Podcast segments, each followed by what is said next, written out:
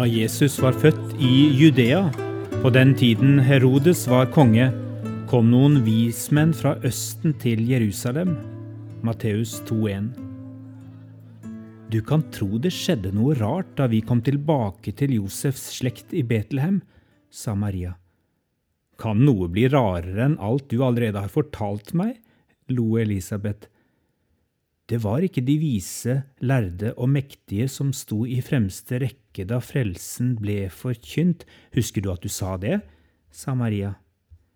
Ja, sa Elisabeth, Gud talte om Jesus til gjeterne på Betlehemsmarkene, han talte til Simon og Anna ved tempelet.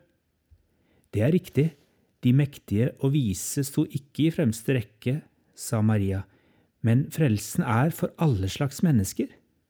Samtidig som Jesus ble født, viste Gud seg for noen vismenn langt borte, et sted i Østen. De så en ny stjerne vise seg på himmelen, et tegn på en helt spesiell kongefødsel.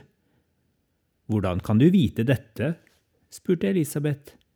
Fordi disse tre vismennene i rare drakter plutselig sto utenfor døra til vår familie i Betlehem en sein kveldsstund.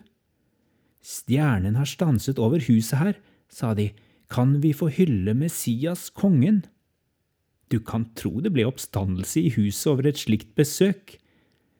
Vismennene hadde først vært overbevist om at stjernen førte dem til Jerusalem og palasset til kong Herodes, men kongen hadde ikke fått noe barn nettopp.